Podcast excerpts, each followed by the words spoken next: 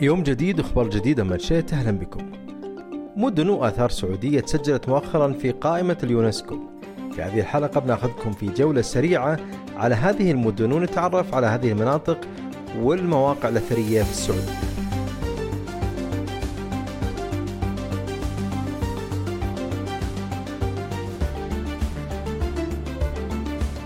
قبل عدة أيام دخلت عروس المصايف مدينة الورد مدينة الطائف ضمن شبكة اليونسكو للمدن الإبداعية في مجال الأدب لتسجل مكانها بين أكثر من 350 مدينة إبداعية حول العالم.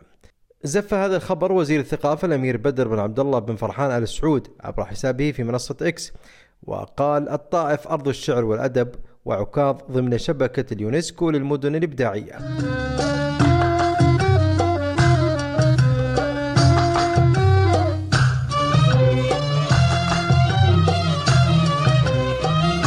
وكذلك علق بدر عساكر عبر حسابه الشخصي وذكر مدينة يشهد لها تاريخها الزاخر بالآداب منذ سوق عكاظ وحاضرها الثري بالأسماء والنتاج الملهم.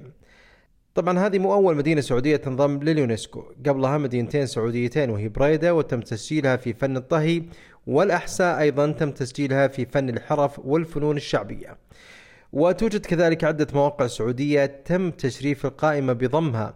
من أبرزها محافظة العلا اللي تحتوي على تاريخ وإرث عريق جدا وهي تقريبا أول موقع سعودي تم إدراجه في هذه القائمة.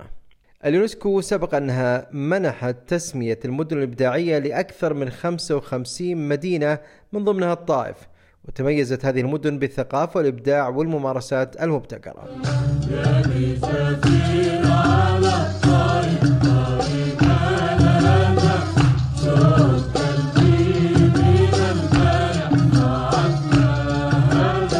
للي أول مرة يسمع بشبكة اليونسكو هي منظمة مبنية على المعرفة وتنشر بيانات عالمية وتعمل على تسجيل وحماية التراث الطبيعي والثقافي للعالم وتضم في الوقت الراهن 962 موقع من دول مختلفة.